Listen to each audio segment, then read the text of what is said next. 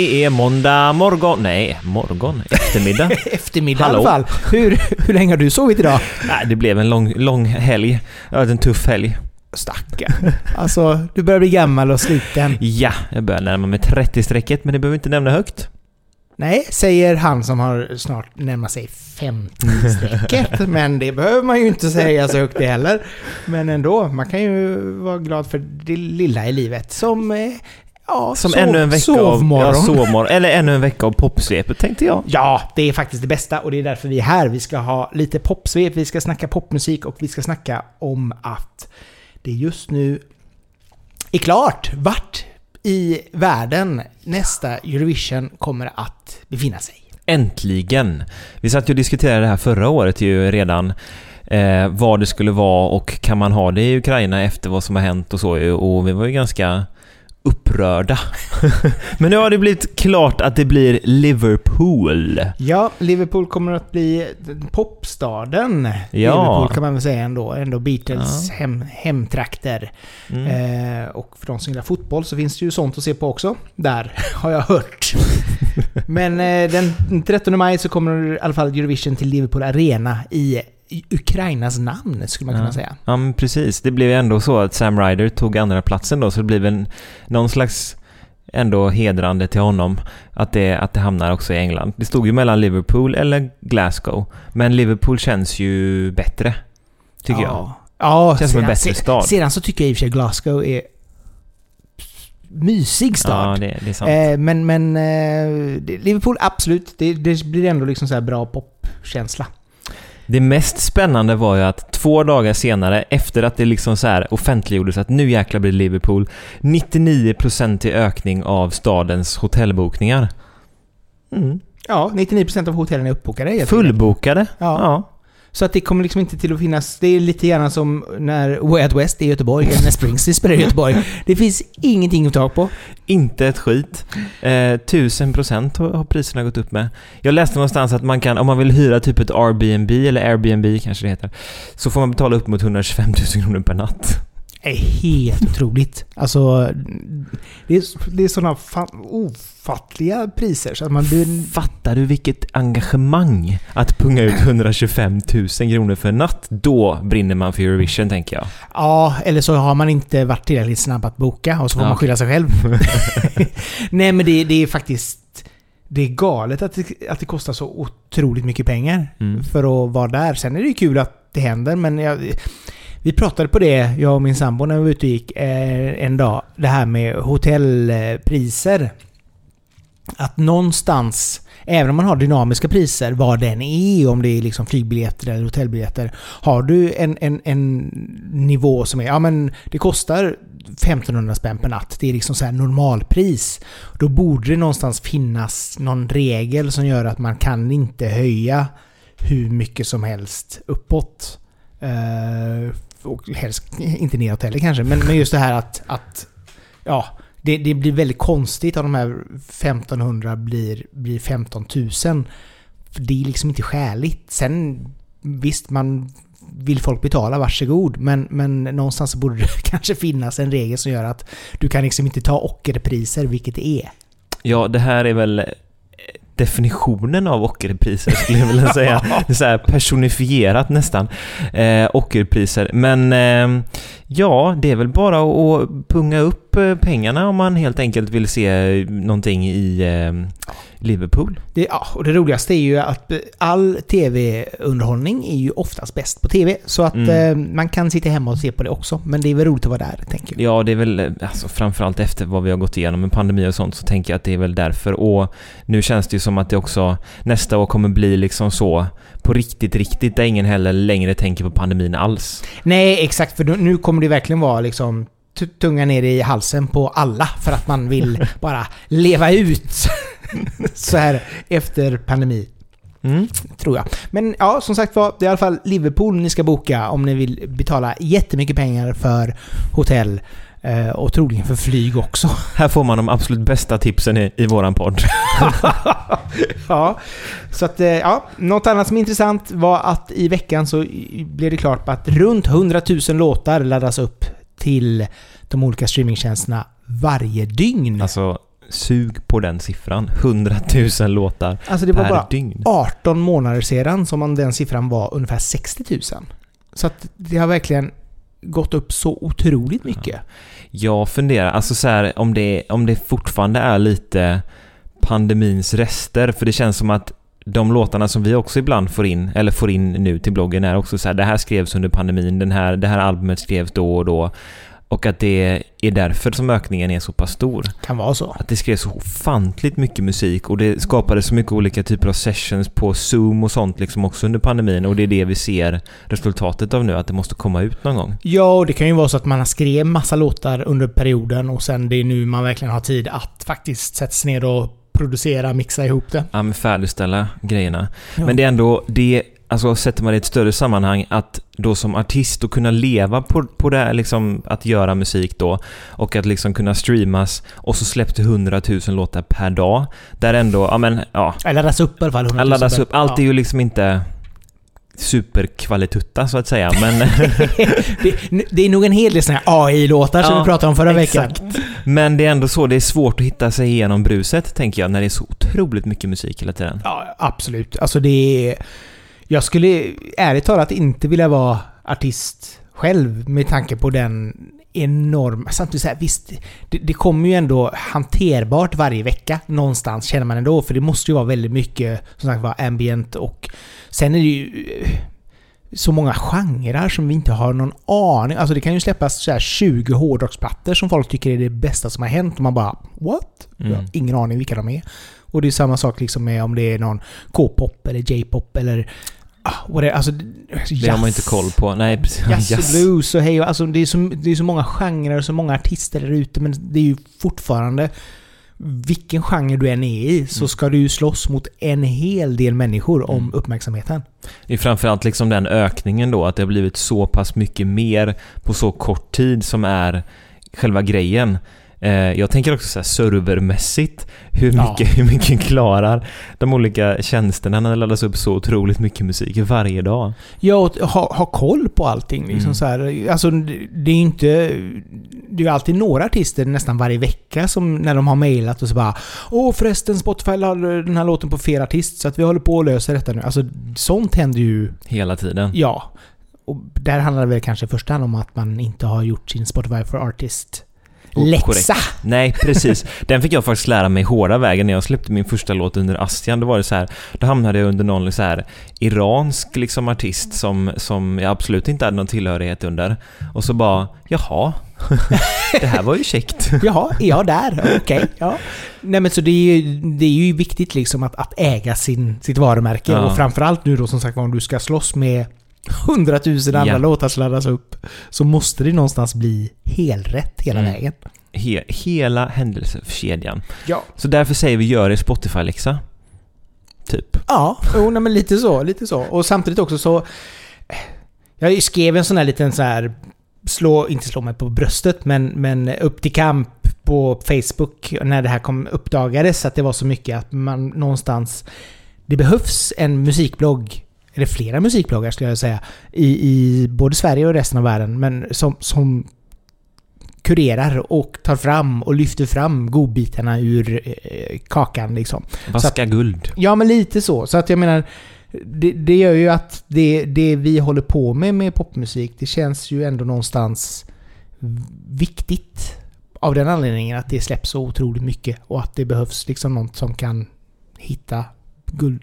Ja, men jag tänker även för så här, den, den dagliga lyssnaren som också har så här, nej men jag skulle vilja upptäcka fler artister. Jag vill liksom så här bredda min eh, musiksmak liksom och Mm. hitta saker som jag inte kan hitta annars. För att Spotify är också så baserat på algoritmer så att om jag börjar sätta igång en artist som jag gillar så rullar det ju på artister som är liknande. Men vill jag helt byta genre så är det liksom lite ganska, alltså det är ganska svårt Ja, och hitta något nytt. Så där har vi också det, där har vi det väldigt viktigt med typ Ja men som popmusik eller vilken annan blogg som helst som lyfter fram ny spännande talang och där man också har haft det här lilla filtret av att okej men det är någon som ändå har gått igenom här och tänkt att men det här tycker jag är bra. Mm. Eh, och inte att det bara är så här, här, här har du allt du får själv välja för då är man nog ganska lat tror jag.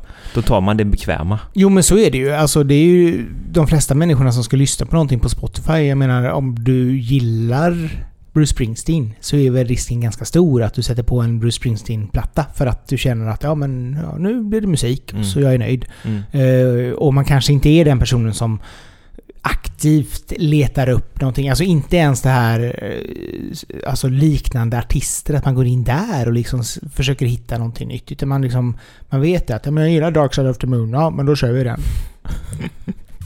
Det blir väldigt, väldigt ensidigt då.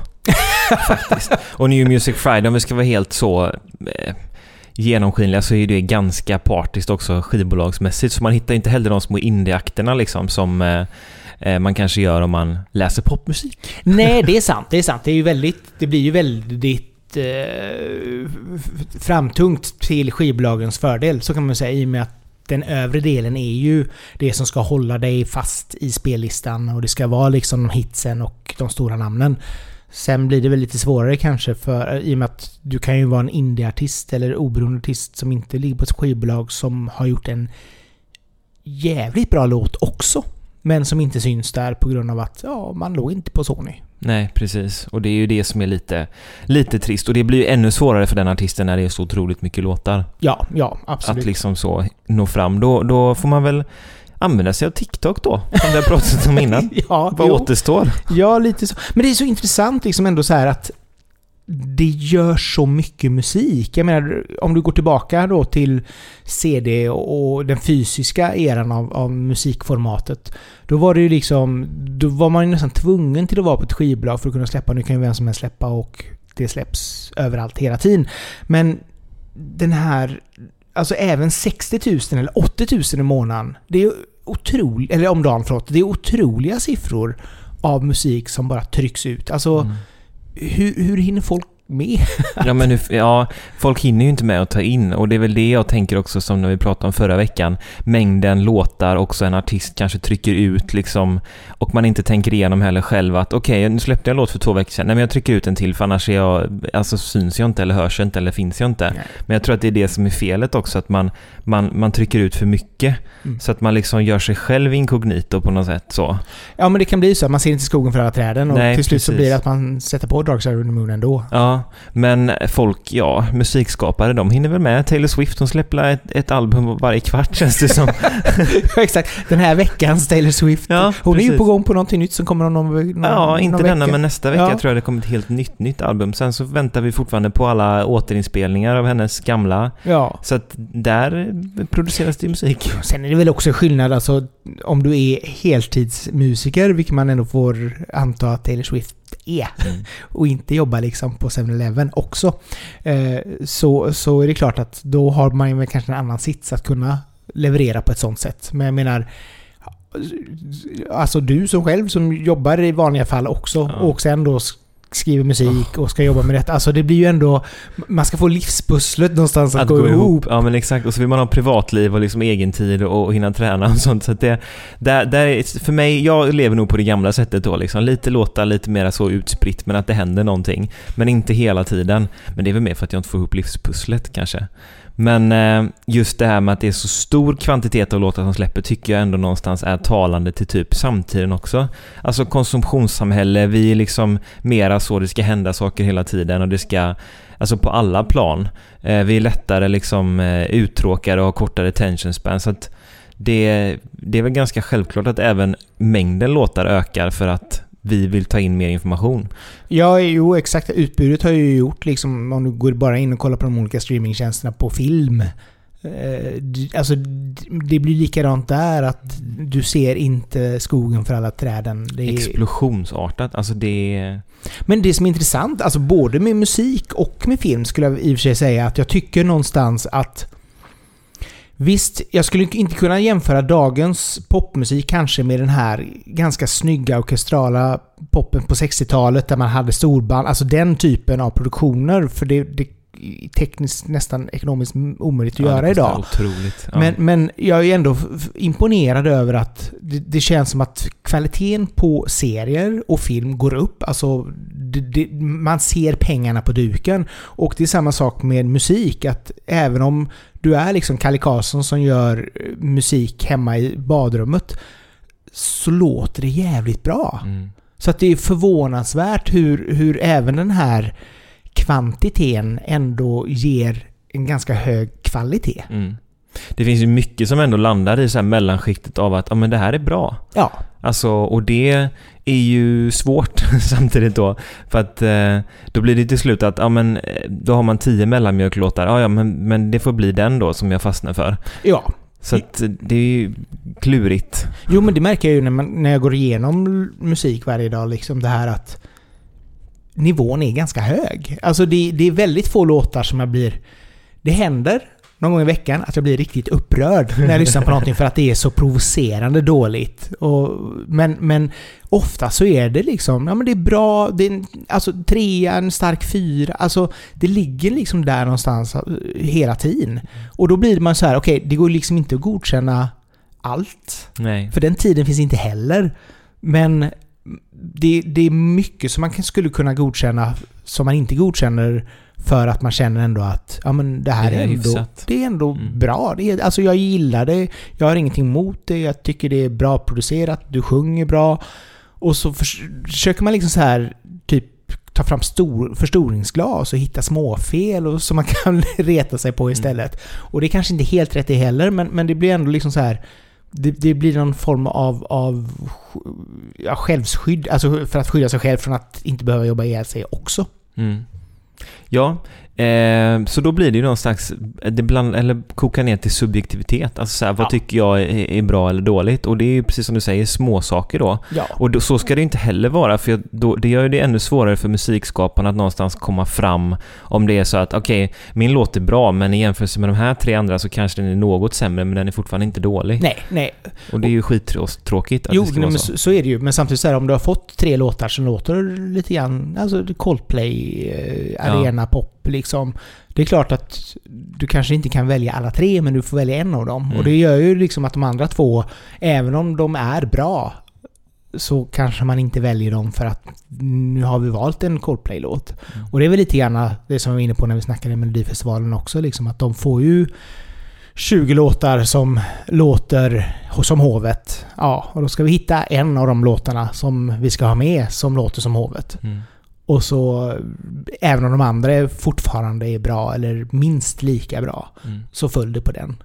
Ja, och det, det här känner jag väl också kanske är att det är så mycket låtar i talande och som kvalitet som du säger, att också många sitter på sin kammare och kan göra det här själv. Man behöver inte det här stora skivbolaget bakom sig, man behöver inte megaproducenterna, för man har så alltså, duktiga program på att liksom skapa musik idag så att det kan låta riktigt, riktigt bra. För behövde man ju det, en riktig studio som du säger, stråkar, man behöver en orkester, man behöver liksom så mycket mer för att få en riktig inspelning.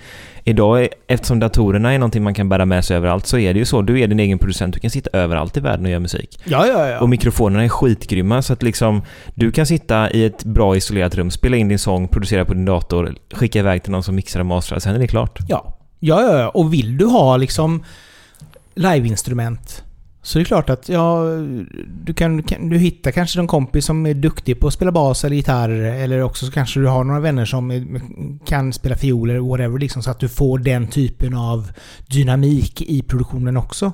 Men jag menar, det, det är som sagt var, det är ju inte det här att det blir ett projekt, att du ska hyra in liksom den här stora orkestern och du ska sitta i den här studion som är perfekt uppmickad för att kunna göra det där. Utan du kan med ganska smid, små medel göra väldigt mycket. Mm, verkligen. Få en jävla budget om du ska hyra in en, en symfoniorkester. Tjena! Jo, nej, men liksom så här, det är ju, ja. Det, det, det var ju då och nu, Ja. nu är nu. Nu, och, och då, det är väl ganska positivt ändå, för det underlättar ju för musikskaparna, men det är också det att det blir någon slags så här, man gräver lite också sitt eget hål, för att det blir svårare också att, att komma fram. När det är enklare att skapa musik så blir det mer musik och då gör det att det är svårare att komma igenom all musik. Ja, ja. Så Så, så är det ju. Alltså, alla, alla bäckar små gör ju att Ja. man är en, en droppe i det här havet. ja. Eh, Det är bara en sten i havet. Inte det en Lalle-låt? Nej men det är eh, imponerande ändå som sagt var att, att det har gått så snabbt och så fort att bli den enorma eh, nivå av, av musik som släpps Vi är i ett, ett expansivt, en expansiv fas av, eh, av världen. Musikbranschen. Ja, musikbranschen. Ja, Mm. är någon som inte är expansivt, det är Stockholms livescen. Nej, vilken vacker övergång måste jag ändå säga. Nej, kartläggning visar att de senaste tio åren så har eh, var tredje livescen i Stockholms innerstad försvunnit. Faktiskt. Helt galet. Alltså, ändå Sveriges huvudstad och... För, för musik, ja. Ja men eh, Sveriges Pop, huvudstad ja. och, och även liksom navet i svensk musik. Verkligen. Som då får liksom hälften av eh, scenen, eller 14 av livescenerna har försvunnit liksom Ja. Stockholms innerstad. Alltså det- 14 stycken. Ja. Hur lätt är det då att verka som artist liksom på... Alltså att boka spelningar om man är... För den stan är också, kryllar ju av musiker som också vill spela och som vill synas och Mm. liksom så. Och när man gör en sån drastisk minskning så gör det ju att liksom så 100 000 låtar per dag, mindre scener. Ja, då är det bara att kriga. Jo, nej men så är det. Alltså, sen finns det ju många... Alltså det kommer ju hela tiden. Alltså Slakthusområdet just nu i Stockholm är väl det som där det händer väldigt mycket inom musikscenen. Sen är det ju den här typen av hotellbarer där folk sitter och spelar på O-baren och så vidare. Så det, det finns ju scener för musiker, men Absolut. det här att... Det största problemet är ju det att det är ju många som tar dyra lån eh, för att skaffa sig sin, sin lägenhet som kostar 10 miljoner. Och sen är de livrädda för att de här 10 miljonerna ska bli 8 miljoner för att det låter någonstans i området eller att det är folk på gatan som, som skriker någonting. Så det, det blir ju inte så jättebra om du flyttar till en storstad och tror att det ska vara tyst. Nej, det är... Det är väl Stockholm i ett nötskal va? Som, får man säga så? Nej men alltså, jag, jag, kan väl köpa liksom att Debaser eh, eh, Slussen, att det stängdes för Slussen byggdes om och hela området Ja, revs. Så det var liksom inte så mycket med att gnälla om egentligen. Men med Medborgarplatsen som då byggdes om och biblioteket som var i, i lokalen bredvid flyttades in i Debaser istället. Mm. Alltså, det var ju ett medvetet val ifrån staden att här ska det minsann inte vara en, Nej, en popklubb. här ska vi liksom inte främja kulturen utan här ska vi eh, begrava den. Nästan. Det, det, det, det gjorde de väl i och för sig i och med att det var bi- biblioteket som fick lite nytt sådär. Men, men det är ändå fel typ av kultur. Ja, precis. Ja. Jo, det är sant. Det blir ju ändå kultur. Men jag, jag eh, föredrar ju musik då framför böcker förvisso. Ja, jo, nej, men det, är liksom så här, det är väldigt konstigt att man vissa områden jobbar så otroligt hårt med att förstöra för en, en näringsverksamhet som just är då musikverksamheten.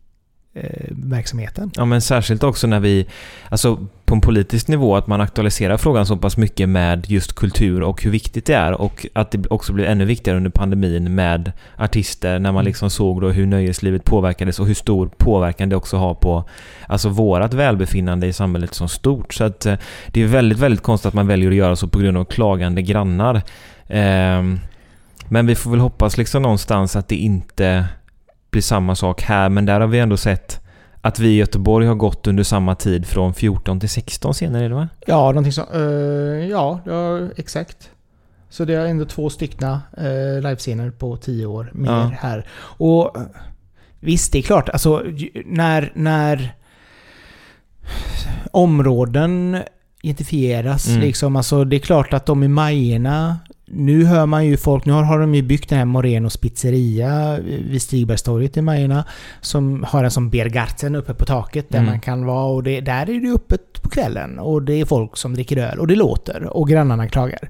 Eh, så att det är klart att det kommer kanske komma där också Ja. om du har betalat då i Göteborgspriser kanske 6 miljoner då för din lägenhet och inte 10.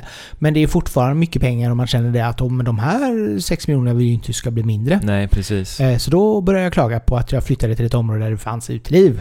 Som Skanshof när det öppnade och folk, de som bodde där närmast övre plan på den satte ju liksom upp så här kravallstaket nästan, de som bor i de lägenheterna. Helt vansinnigt. Alltså, jag tycker det är ändå så här. Vi bodde ju i Majerna tidigare innan vi flyttade hit till, till Eriksberg och, och då hade vi ju Västerhus som kanske är det värsta shithålet som finns i hela världen. Men det är liksom så här. Man hörde ju liksom på torsdagskvällar hur det var liksom förfriskade äldre personer som skrek åt varandra liksom. Eh, gärna lite gamla par liksom som jävla gubbe, jävla kärring. Lite Bla, bla, bla, aggressivt så. Ja, lite så. Härligt. Eller som spydde högt i rännstenen. Um, Och, men det är också så här, ja, det är lite tråkigt, men det, vi bor i Sveriges största stad som inte är en huvudstad.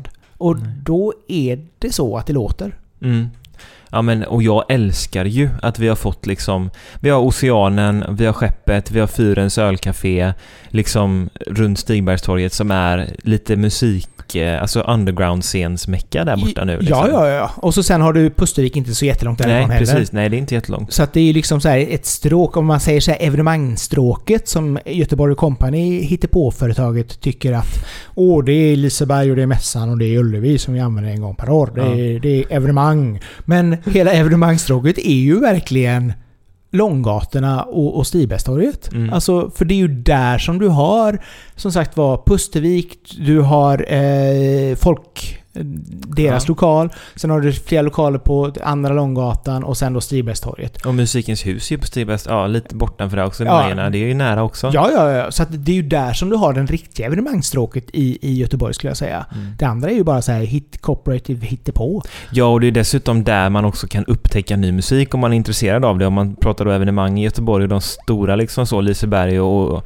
och Ullevi och så. Där är det ju ganska svårt att upptäcka ny talang. För där är det så här, där är det Ja, det är Någon- Lalle. Där är det Lale och hon vet man ju vem det är och det är inget ont om det. Hon är jätteduktig men för att liksom så gå på en, en liten skitig cool konsert och se någon up and coming så är det ju eh, de små scenerna som Ja, ja, ja. Och det är jätteviktigt. Alltså, jag älskar ju skeppet. Som sagt var, de skulle kunna ha lite bättre ljus. Ja. Varsågod. Eh, Men annars så är det liksom så här, det är både Oceanen, nu när vi var där i fredags, Ja älskar Oceanen. Det är en sån härlig stämning där. För det första liksom så här bakgården när man sitter där och det är nästan som man är i en helt annat land, verkligen. Mm. Hela det området är så magiskt. Supermysigt. Vi sa ju också att vi skulle gå på mer konserter ihop och så gjorde vi en, en favorit i repris redan fredagen efter. Och det var liksom egentligen inte något som vi planerat ihop. Det var Nej. mer liksom att jag ville se Boy in Space och du hade köpt biljetter och bara Ja. Ja, men då går jag också. Då går vi båda två. Ja. Jättetrevligt. Nej men det, det... Vi kan ju hoppas att vi inte går åt samma dystra öde, men det är också tråkigt och lite talande till Stockholm som då ska främja också musikscenen, att man då väljer att eh, lägga ner så mycket på... Eller, man lägger ju inte ner det frivilligt, men eh, det går ju inte Delar av dem läggs ju ner frivilligt. Ja, delar av dem läggs av frivilligt, absolut. Och en del har ju inte gått runt liksom. Nej. Så. Nej men jag menar det, det kommer ju bli intressant nu för jag menar nu kommer det ju byggas runt um, Pustervik. Där kommer det bygga ganska mycket eh, bostäder. Det kommer att bli ganska dyra lägenheter i det området.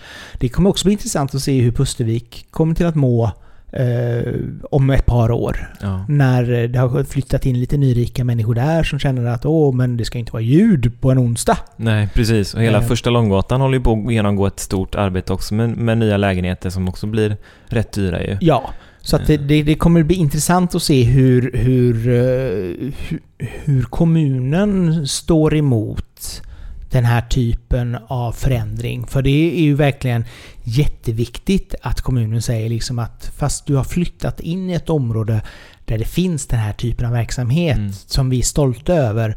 Så det är du som måste anpassa dig, Ja. inte dem. Helt rätt. Sen kanske absolut, det finns säkert saker man kan göra i form av, av isolering. Jag har ett par vänner som är, driver en, en restaurang på första Långgatan. Och de har karaoke i, i, i källaren och det kan ibland vara grannar som tycker det är jättejobbigt att det låter, eh, att det går igenom liksom tak och väggar och så vidare. Och de har ju gjort massor för att isolera och, och göra det så att det blir bättre för grannarna. Men jag menar, vill man klaga så kan man alltid hitta ett sätt att klaga på. Ja, Och det- tyvärr så är det ju liksom så här att även om du har haft din verksamhet i 40 år så kan den här personen som har bott där i fyra dagar Mm. förstöra allting. driva det till sin spets liksom.